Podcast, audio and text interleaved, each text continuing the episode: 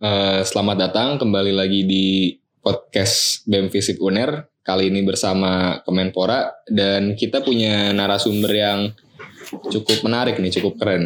Eh, ada Mas Dibio. Ya, halo. Ya, halo Mas Dibio. Ya, halo. Oh iya, lupa nih. eh, belum perkenalan. Oke. Eh, nama saya Sami, staff dari Kemenpora.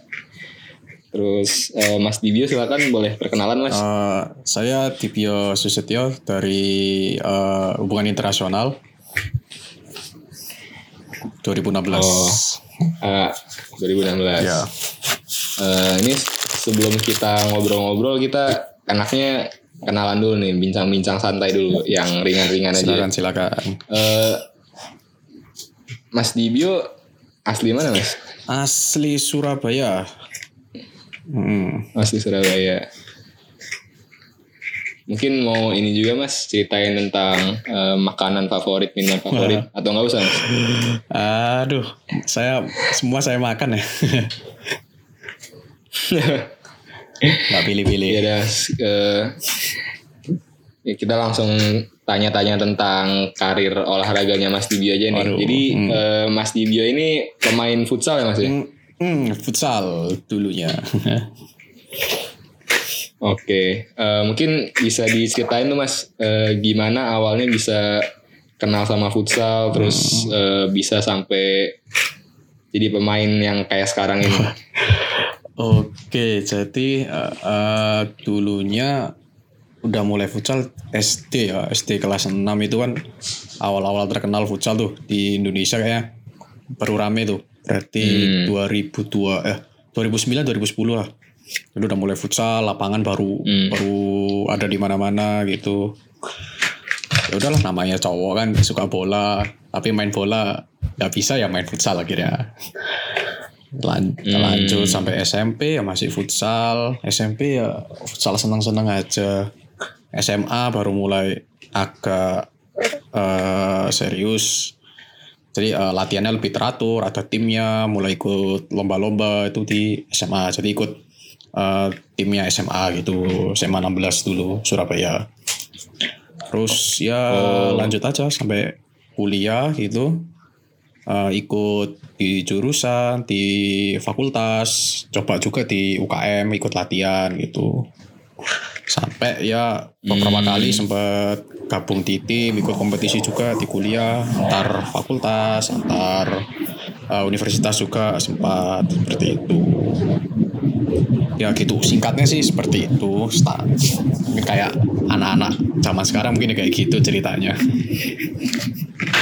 gitu aja Hmm. Berarti dari SMA ya Mas ya udah sering ikut-ikut turnamen gitu. Hmm, turnamen SMA kan juga memang banyak ya kan turnamen antar SMA. Jadi ya memang mulai eh, sering-seringnya di SMA. Sejak SMA gitu. Wih. Keren keren keren. Terus kalau eh, selama jadi mahasiswa ini sendiri udah pernah ikut berapa turnamen Mas? Udah banyak banget pasti ya. Wah, justru kalau eh, mahasiswa ini lah malah nggak sebanyak SMA ya turnamen karena eh, makin jarang tuh. Wah, berapa ya? Se- 10 lebih sih ada sih, cuma nggak nggak sebanyak SMA gitu.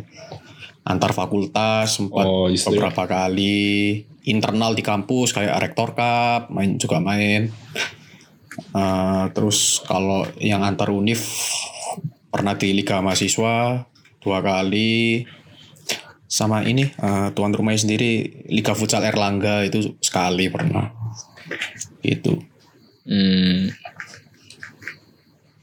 Terus eh, selama di universitas ini selama jadi mahasiswa udah berapa kali Mas juara turnamen Mas? Waduh. Eh, kayaknya kalau waktu jadi pemain cuma sekali itu rektor cup 2018 kalau nggak salah itu ya, aktif main Eh, rektor cup 2018 itu juara tiga kalau nggak salah Terus setelah setelahnya Hmm. lebih banyak handle jadi official, jadi pendamping gitu buat buat visip gitu biasanya. Seringnya gitu. Oh ya. Tapi eh, masnya sendiri pernah ini juga kan ya mas ya pernah ikut jadi pemain buat lima ya mas apa benar mas Ya, 2018 sama 19. wah keren banget sih tapi itu eh, sampai tahap mana tuh mas pas ikut lima 5 yang dua tahun terakhir emang UNER nggak bisa lolos sampai nasional ya, jadi masih regional. Kalau yang eh, 2018 itu masih bahkan sampai sub regional aja, jadi masih se Surabaya. Yang tahun lalu itu yang di Malang itu eh, kandas di regional juga. Jadi gitu ya, apa sih ya mungkin Hmm. Terus kalau eh, turnamen internal jurusan gitu ada nggak mas? internal antar jurusan pernah sesekali kayak dekan cup ini kita terus kalau internal antar fakultas juga sering ya di ini eh, rektor club itu antar fakultas yang paling banyak biasanya Oh ya. Keren banget sih. Eh, terus selain jadi pemain kan tadi katanya ini juga tuh mas eh, mengisi peran-peran lain juga di Ah. tim. iya Tadi sebagai ofisial ya mas ya. Hmm. Terus ini juga mas pernah ngelatih gitu mas? Eh, kalau ngelatih sampai eh, dari 2018 awal tahun 2018 sampai sekarang eh, aku ngelatih ini namanya bal-balan futsal jadi eh, kayak sekolah futsal buat anak-anak dua setengah tahun sampai 12 tahun. Itu udah dari 2018 terus kalau di ini eh, di FISIP sendiri apa ya ya bukan pelatih sih cuma mendampingi terus koordinir aja anak-anak eh, setahun belakang lah. Itu Hmm. Itu yang eh, bal-balan futsal itu latihannya di mana mas? Itu buat eh, umum anak-anak secara umum apa ada oh eh, dari sekolah khusus atau tim khusus gitu? oh kalau bal-balan futsal ini eh, terbuka umum jadi ya bisa tinggal daftar aja latihannya di Baskara Futsal Manyar itu tiap minggu pagi Oh iya. ya seru-seru lah sama anak-anak kecil gitu bagi-bagi ilmu gitu aja Iya. Itu pesertanya ada berapa mas? Eh, aku handle yang U12 ya, jadi 8 sampai 12 tahun itu cuma 4 5 orang aja, dikit yang ikut salah. Yang banyak yang anak-anak yang lebih kecil lagi. Hmm. Tapi itu kalau latihan mereka tetap bareng atau jadwalnya beda gitu mas? Tetap bareng cuma beda lapangan aja. Hmm. Jadi eh, Mas Dibio ini selain aktif bermain juga aktif membagikan ilmunya ya pada pada adik-adik. Iya, alhamdulillah ada kesempatan lah buat bagi ya kamu bagi ilmu aja. Oke. Eh, tapi gini teman-teman, kerennya Mas Dibio itu dia selain aktif sebagai eh, pemain futsal, dia juga menggeluti berbagai kegiatan lain seperti eh, berorganisasi dan kegiatan-kegiatan akademik. Eh, mungkin Mas Dibio mau cerita sedikit tentang eh, pengalaman-pengalamannya di organisasi. Kalau organisasi di ini ya, eh, kalau BEM Visip sendiri juga dulu pernah tuh 2000 eh berapa ya? 2018 2018 di Kemenpora juga eh, Dirjen Kepemudaan setahun di jurusan ya jadi ketua angkatan aja ya ikut-ikut kepanitiaan itulah cukup sering organisasi Hmm. Eh, kalau pengalamannya sendiri di Kemenpora waktu itu yang berkesan apa tuh mas kira-kira mas? Dulu eh, di Kemenpora aku handle Kopa Visip, Kopa Visip yang kedua. Nah itu Hmm. pas itu saya eh, sayang sekali cuma bisa ngadain eh, futsal putri antar SMA. Padahal tahun sebelumnya itu bisa ada putranya juga antar fakultas sama antar SMA cuma eh, sepi peminat ya kita batasi aja sampai eh, antar SMA Putri. Alhamdulillah lancar. Ya, gak tahu semoga tahun ini bisa lancar juga. Kalau ada. amin lah amin. Eh, oh iya nih Mas kan tadi cerita juga nih sempat main di Dekan Cup. Hmm. Eh, gimana Mas kesan-kesannya selama udah berarti udah empat kali ikut Dekan Cup ya Mas? Sejak maba, iya empat kali berarti. Empat kali. Itu yang paling berkesan yang tahun berapa tuh Mas Dekan Cup nih? Paling berkesan. Ya yang ta yang terakhir ini sih kayaknya. Soalnya tiga tahun sebelumnya eh, kiper terus ya di futsal ya kiper tahun terakhir ini ya cobalah bosen di gawang jadi pemain luar aja Kip- kipernya biar yang muda-muda sebelum pensiun gitu Oke. Regenerasi ya Mas ya? iya udah capek capek kiper terus bosen Oke. Eh, selain eh, di BEM sama di angkatan sebagai ketua angkatan Mas Tijo pernah ikut kegiatan apa lagi Mas? kegiatan kalau eh, alhamdulillah masih sempat ikut akademik ya. Jadi memang kalau aku kuliah pengen Hmm. ngeratain semua sih non akademik. Setidaknya pernah, akademik juga setidaknya pernah. Jadi kalau akademik alhamdulillah kayak ikut eh, konferensi, paper conference tahun lalu udah pernah ikut MB, MUN Model United Nation juga udah pernah. Di, ya gitu sih ngeratain aja sih. Hmm. Eh, mungkin bisa cerita Mas tentang pengalaman paper conference-nya kayak gimana? Paper conference eh, itu tahun lalu ya, tahun lalu paper conference berangkat ke Thailand, Bangkok itu eventnya Hmm. apa sih nama universitasnya itu di NIDA, NIDA Bangkok, National Institute of Development itu. Ya ini aja. Eh, bikin tulisan, bikin abstrak kita submit presentasi di sana ya.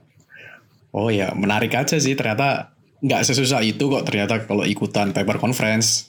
Kayak gitu terus lanjut juga beberapa bulan kemudian coba lagi model United Nations MUN lah istilahnya itu kan. Itu ke Osaka Jepang. Ya Oh, ya cari pengalaman juga alhamdulillah ya. Ya nggak sesusah itu ternyata kalau mau coba sekedar coba-coba eh, pengalaman akademik ya mungkin buat teman-teman juga nih nanti ya coba-coba aja nggak apa-apa ratain semua aja kalau bisa kuliah gitu hmm. coba aja Mas ya cari pengalaman. Iya, coba aja nggak nggak usah cari juara, cari eh, tulisan terbaik ya itu bonus lah. Yang penting coba dulu aja kalau selagi ada kesempatan, ada kemampuan, coba aja gitu. Jadi mikirnya sih dulu kayak gitu. Jadi diratain semua akhirnya. Hmm. Mantep banget Mas Hmm. Tijo. Itu di Thailand berapa hari tuh Mas kalau boleh tahu Mas? Di Thailand sih acaranya cuma dua hari ya, tapi bonus ekskursi ekskursi ya berapa ya? Eh seminggu. Seminggu di Bangkok. Hmm. Minggu. Eh, terus tadi Mas ngomongin soal eh, model United Nation Wis. itu apa ya Mas? Acara apa Mas? Waduh. Kalau bahas MBN ini jatuhnya ke ini nanti ak akpres. Eh, Gak apa-apa ya. Jadi eh, MBN eh, simulasi sidang PBB. Jadi kalau mungkin buat teman-teman dai mungkin udah tahu ya. Hmm. Jadi kayak eh, sidang PBB nanti ada kita bahas suatu isu gitu nanti eh, kita memperankan sebuah negara nanti eh, kita bikin resolusi kita saling eh, kasih pendapat ya mungkin ada unsur debatnya dikit juga jadi nanti eh, ya banyak melatih pengetahuan seputar eh, organisasi internasional seperti itu Itu di Jepang itu ya mas? Iya di Osaka Jepang. Hmm, jadi Mas Dibio ini nggak cuma aktif di dunia perfutsalan aja teman-teman, tapi dia juga eh, mengembangkan, menggali potensi akademiknya. Ya mumpung masih bisa. Keren, keren. Eh, tapi Mas Dibio ini terus rencananya ke depannya tetap mau aktif sebagai pemain futsal atau mau setelah kuliah ini terus ya udah eh, sekedar buat hobi-hobi aja gitu. Eh, kalau aku pribadi sih futsal ini masih hobi ya karena memang eh, dasarnya aku belum jadi atlet. Yang benar-benar atlet ikut akademi punya klub itu enggak. Jadi eh, sekedar hobi aja. Tapi eh, kalau bisa ada kesempatan memang ya kerjanya masih berkaitan dengan hal-hal futsal atau sepak bola kayaknya lebih menarik gitu aja tapi kalau eh, prospek ke depan futsal ya hobi aja lah udah udah nggak nyampe kalau dibuat karir gitu Buat fun-fun aja ya mas Iya. ya. Buat asik-asik aja. Mhm. yang penting kan masih berkeringat lah ada olahraganya gitu Terus kalau eh, akhir-akhir ini, ya bukan akhir-akhir ini sih, eh, sebelum sebelum ada pandemi corona ini, berarti Mas masih tetap aktif main futsal Mas? oh masih seminggu sekali lah udah minimal itu seminggu sekali Hmm. Tadi kan Mas ini juga nih Mas sempat eh, barusan nyinggung tentang eh ya mau coba mungkin berkarir di sesuatu yang masih ada kaitannya sama futsal, masih di sekitar dunia futsal. Eh, Kira-kira ada bayangan nggak Mas? Eh, apa sih karir yang ingin dibentuk gitu, yang masih ada kaitannya sama futsal? Eh, kalau aku mungkin yang paling prospek eh, bisa ke jurnalis ya jurnalistik olahraga itu paling bisa tuh kalau di Indonesia menurutku masih prospek tapi kalau mau melangkah lebih jauh lagi jatuhnya bisa ke manajemen olahraga atau apa ya itu banyak studinya S2-nya itu nanti. Tapi kalau mungkin yang eh, buat juga teman-teman pendengar lainnya yang juga dari eh, prodi lain mungkin eh, paling bisa ini adalah eh, jurnalistik olahraga. Itu paling prospek Hmm. ntar mungkin kalau mau suka futsal bisa jadi agen agen pemain sepak bola atau mau jadi penulis berita internasional jadi gede gitu hmm, prospek. Masih prospek menurutku. Jadi ya kalau bisa sampai ke sana ya alhamdulillah syukur-syukur Kalau nanti ditawarin jadi ketua PSSI mau nggak Mas? Waduh, ketua PSSI. Enggak sih, soalnya enggak ngikutin olahraga lo, anu, sepak bola lokal.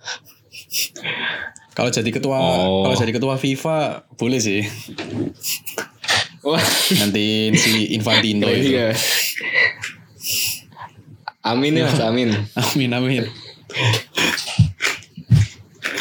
Tapi kayaknya kalau ketua FIFA saingan sama saya sih Mas. Waduh. Ya nggak apa-apa, saya tunggu nanti see you on top kalau kata orang-orang ya. Siap. Menarik, menarik. Eh, kembali lagi tadi ke pengembangan potensi akademik Mas. Hmm. Gimana? Eh, ini pas saya baca di CV-nya atau di biodatanya Mas Dibio ini eh, pernah jadi asisten dosen juga ya Mas ya? Iya, asisten dosen di salah satu mata kuliah HI. Ya, di HI kak, Dinamika Hubungan Internasional Kawasan. Ya, sekali lagi ya itu cari pengalaman juga. Padahal ya nggak pinter-pinter banget sih, cuma ya tahu pengalaman. Jadi terlibat di belajar mengajar di perkuliahan seperti itu aja. Hmm. Tapi Mas Dibio mesti ini nih merendah nih. Masa asisten dosen nggak pinter-pinter banget? Oh iya kan, asisten dosen kan kalau kita salah kan mahasiswanya juga nggak tahu kan percaya-percaya aja sama asisten dosen. Iya juga. Iya. Itu eh jadi asisten dosen tuh tugasnya ngapain sih Mas? asisten dosen ya eh, gampangnya kita ya jadi pembantunya dosen aja kita fasilitasi eh, kegiatan belajar ngajar jadi pemantik diskusi lah jadi organizer kelas lah ng- ngumpulin tugas jadi ya mungkin yang paling gampang ya koreksi tugasnya anak-anak juga seperti itulah Hmm. Keren, keren, keren.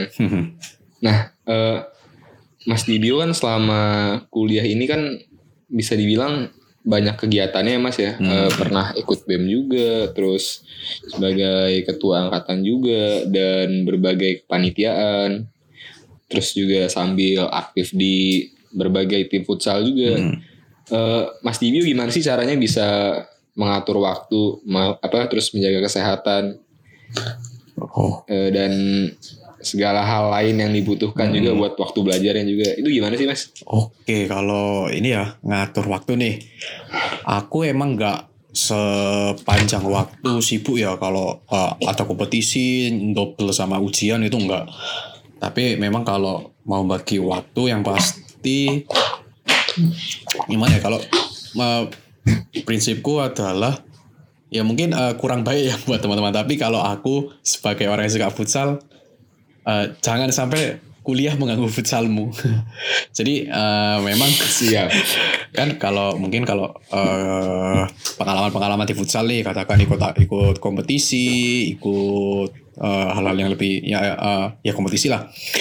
Kan ke- kesannya kan kayak wah ini kesempatan jarang nih daripada kayak kuliah mungkin oke lah bolos kuliah selama masih bisa ditinggal ya aku tinggal. Tapi kalau misalkan eh, udah waktu adanya kuis, adanya nu ya aku tetap ikut kelas ketika seperti itu. Jadi kalau eh, baginya sih kalau aku tetap 50-50 sih kayak gitu. Jadi ya aku bagi rata. Tapi memang kalau bisa kesempatan eh, untuk meninggalkan kegiatan akademik, menunda kegiatan akademik itu aku lebih milih nunda karena eh, kalau menurutku pengalaman olahraga ini akan jauh lebih jarang ditemukan di kemudian waktu ya daripada eh, kegiatan akademik. Jadi seperti itu. Itu kalau eh, bagi waktu. Terus eh, jaga kesehatan gimana ya? Hmm. Kalau aku sih memang eh, kalau mau lagi turnamen-turnamen nih, itu latihan bisa sampai seminggu tiga kali, seminggu empat kali. Ya lumayan capek sih. Aku kalau jaga kesehatan ya kuncinya kalau aku adalah tidur dari, dari jam tidur. Jam tidur itu paling krusial kalau menurutku. Jadi pulang latihan sampai malam. Kalau bisa tidur langsung tidur.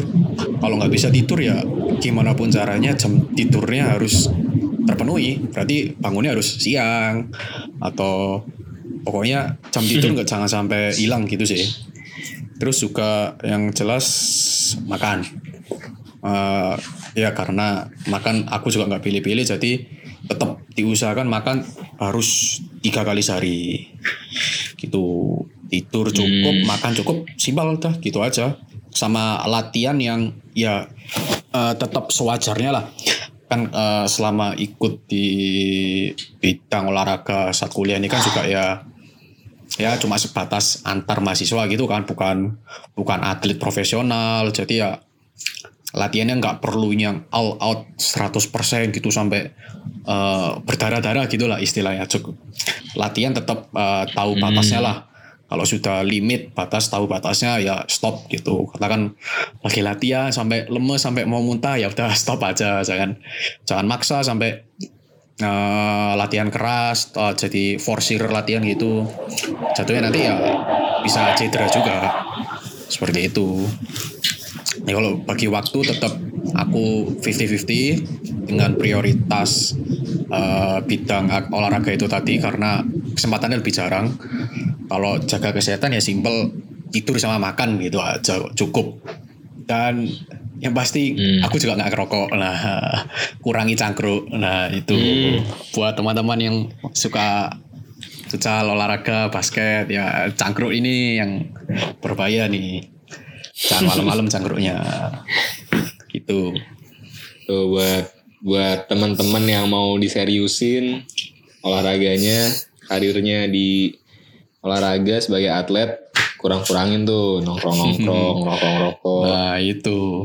Ya. Ini langsung dapat tipsnya langsung dari masternya nih. ya kalau bisa ya pola hidup juga ikut sehat gitu loh. Jadi kan nggak sekedar bisa Benar. olahraga tuh.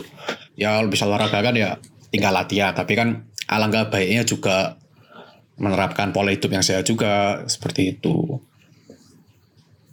Kondisi dijaga juga ya Mas ya kesehatan. heeh. Berarti kalau untuk ngatur waktu, kalau bagi Mas Dibio yang penting bisa menakar prioritas ya Mas ya. Hmm. Eh, kesempatan mana yang lebih kira-kira jarak kita temui ya. Hmm. Kalau kita temui kita ambil. betul. Jadi kayak Baik-baik. ah, ya kuliah masih ada jatah bolos tapi tabrakan sama latihan nih. Hmm. Ya udah bolos aja kan ada jatah gitu. Tugas bisa ya mungkin ada beberapa yang bisa ngutang tugas ya ngutang tugas aja tapi tetap tanggung jawab seperti itu. Karena kan ya kalau kesempatan olahraga ini kan jelas lebih jarang karena kalau udah lulus, sudah kuliah, udah makin semester lanjut, pasti makin jarang juga ketemu kayak gituan, kayak gitu. Benar. Eh, lagian juga di kuliah ini belajar nggak mesti belajar dari yang disediain kurikulum aja ya mas ya. Ah, benar. Banyak juga kegiatan di luar kurikulum yang bisa kita eksplor. Hmm. Apalagi di bidang olahraga ini. Iya, jadi ya, oh ya kan kalau eh, ikut kegiatan akademik kan kuliah ini kan juga nggak melulu di kelas, nggak melulu baca buku, tapi kan ya banyak yang bisa kita otodidak lah, banyak yang bisa kita pelajari sendiri sambil eh, nyambi kegiatan olahraga tadi. Jadi masih eh, Hmm. ya, jadi eh, kalau menurutku memang bisa diatur banget kok kalau mau nyimbangin akademik sama non akademik.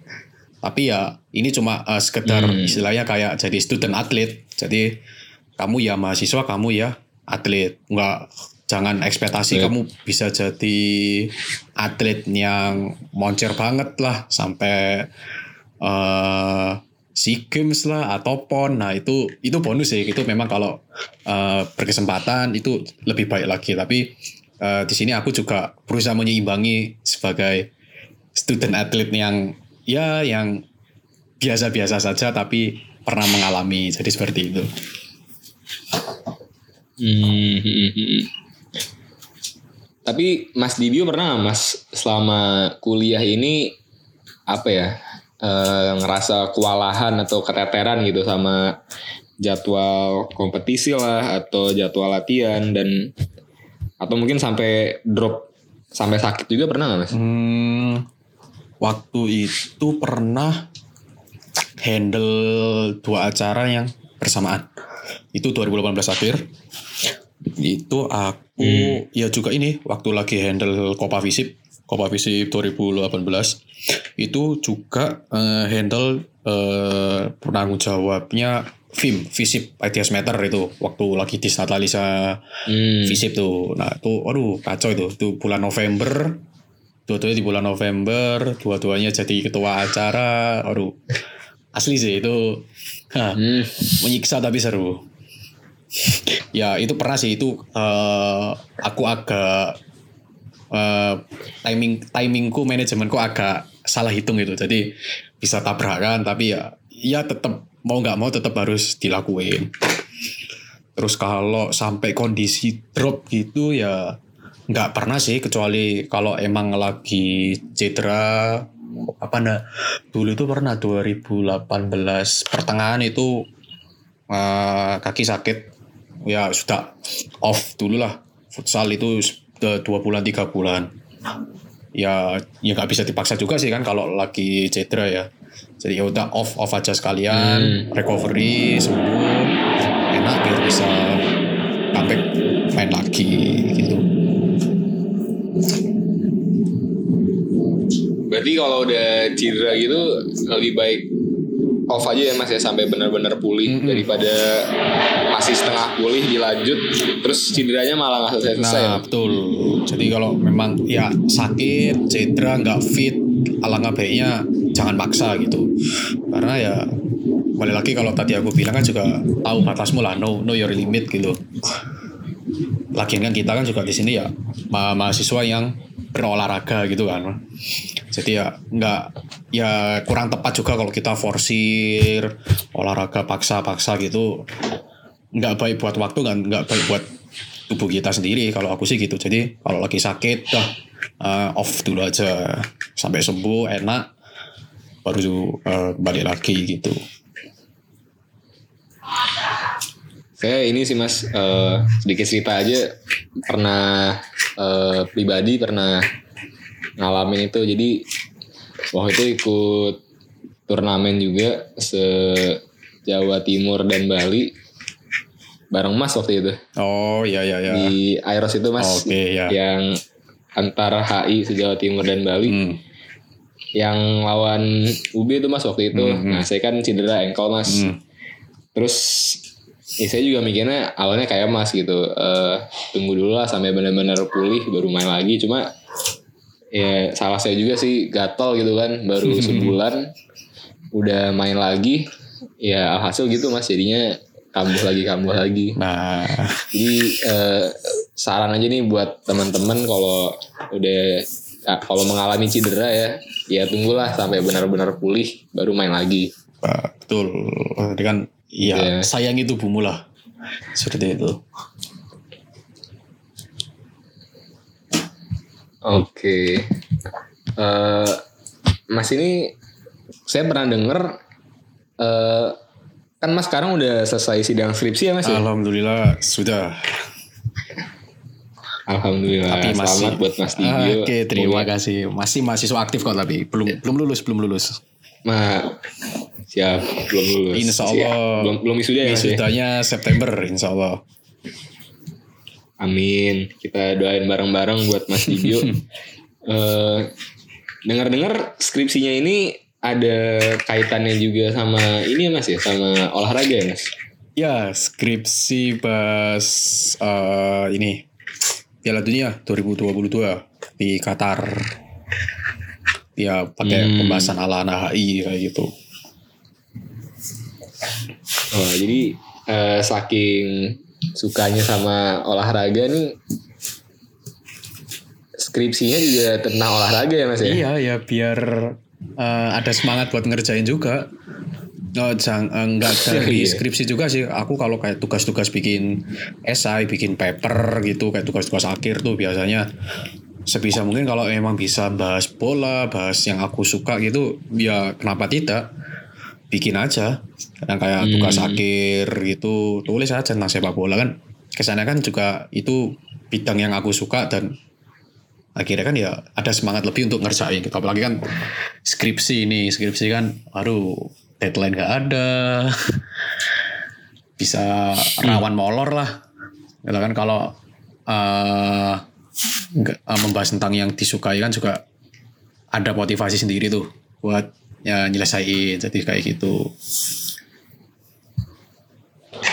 Oh, jadi eh, buat teman-teman nih yang kebetulan suka olahraga, tapi kebetulan juga kadang kehilangan motivasi buat ngerjain tugas. Hmm. Bisa nih ngikutin caranya Mas Dibio, coba tugasnya dikait-kaitin sama olahraga ya Mas. ya ya? iya suka basket ya Atau bahas aja basket secara politik, secara apa sosiologi gitu. Kalau ada, kalau memang bisa apa apa, Lalu pasti eh, jatuhnya yang pertama menarik, yang kedua kita ngerjainnya juga senang pasti. Yang ketiga eh, Benar, benar. be- mungkin yang koreksi atau dosen penguji pasti eh, nggak nggak lebih tahu daripada kita, jadi kita pasti lebih menguasai. Jadi kayak gitu. Iya iya. Jadi pas dikoreksi eh mereka mikirnya oh iya iya. Jadi Mas, ya. ya bisa jadi jadi kayak ini kan bidang yang kamu suka harusnya kamu yang lebih menguasai gitu kan lebih paham. Hmm. Keren keren. Jadi eh, dari hobi ternyata bisa menunjang juga ya mas ya di bidang akademiknya bisa gitu. banget bisa banget. Kalau ngomongin olahraga ini luas lah bidangnya luas banget. Kalau ngomong olahraga kalau kita bisa mikir out of the box gitulah bisa banget. Jadi eh, jangan sampai nih teman-teman pecinta olahraga menjadikan olahraga sebagai eh, sesuatu yang menghambat perkuliahan. Justru kita ambil contoh aja dari Mas Dibio ini, justru bisa menunjang perkuliahannya. nah ya Luar biasa. atau mungkin kalau memang gak olahraga ya dari bidang lain lah suka musik ya bisa dikait-kaitkan Hmm. diekspor lebih dalam lah. Kalau kita kan kuliah dengan disiplin ilmu tertentu kan ya untuk diri kita sendiri lah. Kalau dikaitkan dengan hal yang kita suka kan jadi bonus yang lebih besar lagi. Jadi kayak gitu. Hmm. berarti kalau secara umum, secara general eh, apa yang apa yang kita suka coba diterapkan gitu ya ke bidang keilmuan kita. Nah, betul sekali kayak gitu. Atau kalau bahasa Inggrisnya eh, do what you love, love what you do. Nah, sip. Oke. Betul betul. Semangat semangat. Ya, kayak gitu. Pasti kuliahnya jadi nggak bosenin lah kalau menurutku sih gitu. Oke. Oh iya tadi kan Mas juga eh, ngebahas tentang ada rencana berkarir sebagai jurnalis olahraga Mas ya. Berarti menunjang lah ya eh, kegiatannya sekarang udah mulai menulis-nulis tentang olahraga gitu. Ya karena uh, idealnya sih pinginnya seperti itu. Cuma karena memang realitanya uh, dunia pekerjaan tidak semudah yang kita kira ya. Beda banget ya Iya. apalagi pandemi ya. Fresh graduate bingung mau cari kerja. Jadi ya mungkin kalau memang mau bikin realistis cari yang ada-ada dulu aja. Katakan ada kesempatan di mana ya dicoba dulu. Ntar, ntar kalau mungkin udah ada kesempatan untuk yang bisa uh, berkaitan dengan hobi kita kayak tadi kan itu jauh lebih baik. Tapi mungkin ada orang-orang yang ngomong uh, pekerjaanmu yang baik adalah hobimu yang menghasilkan uang seperti itu kan. Nah, Oh iya. tapi kan kalau mungkin awal-awal kita fresh graduate mahasiswa ya kita kan harusnya masih harus pengalaman dulu nih. Nah itu kita ya masih berenang ke sana kemari dulu lah kayak gitu. Ah, oke oke. Eh, ini saya udah mulai kehabisan pertanyaan nih mas. Eh, mungkin mas ada apa ya? Ada ada pesan pesan-pesan mungkin buat eh, bem Visip khususnya Kementerian Pemuda dan Olahraga yang tahun ini mas. Eh, pesan buat teman-teman Kemenpora ya eh, karena ini juga lagi pandemi memang kayaknya emang nggak bisa banyak ada kerjaan ya kayaknya ya ya yang pertama tetap jaga semangat aja karena memang udah eh, kuat tanggung jawab dari awal ya selama satu periode diselesaikan dengan baik dan yang pasti jadikan ini peng- tetap jadi pengalaman lah walaupun kita eh, kalian mungkin eh, setengah periodenya dihabiskan di rumah kos masing-masing ya.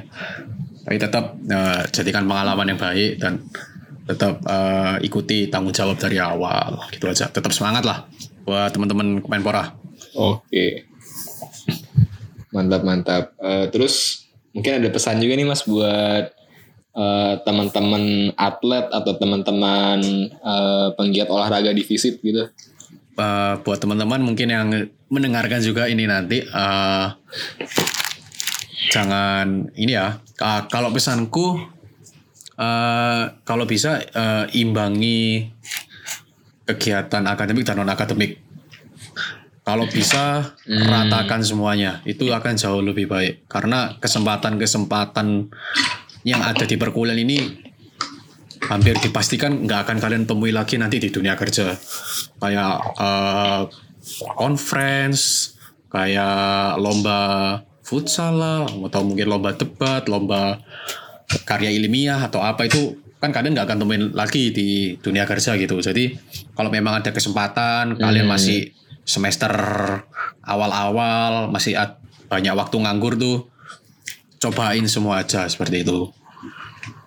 Eh, kalau kalian yang mungkin memang atlet nih, atlet tapi juga nyambi kuliah, ya eh, jangan tinggalkan kuliahnya juga ya, seperti itu. Mungkin ada t- beberapa dari teman-teman yang benar-benar atlet seperti itu. Tetap eh, kuliah ini tetap berjalan dengan baik gitu. Selesaikan dengan baik.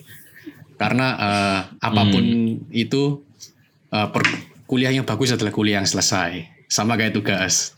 Tugas yang bagus adalah tugas yang selesai. Seperti itu. Tugas yang selesai.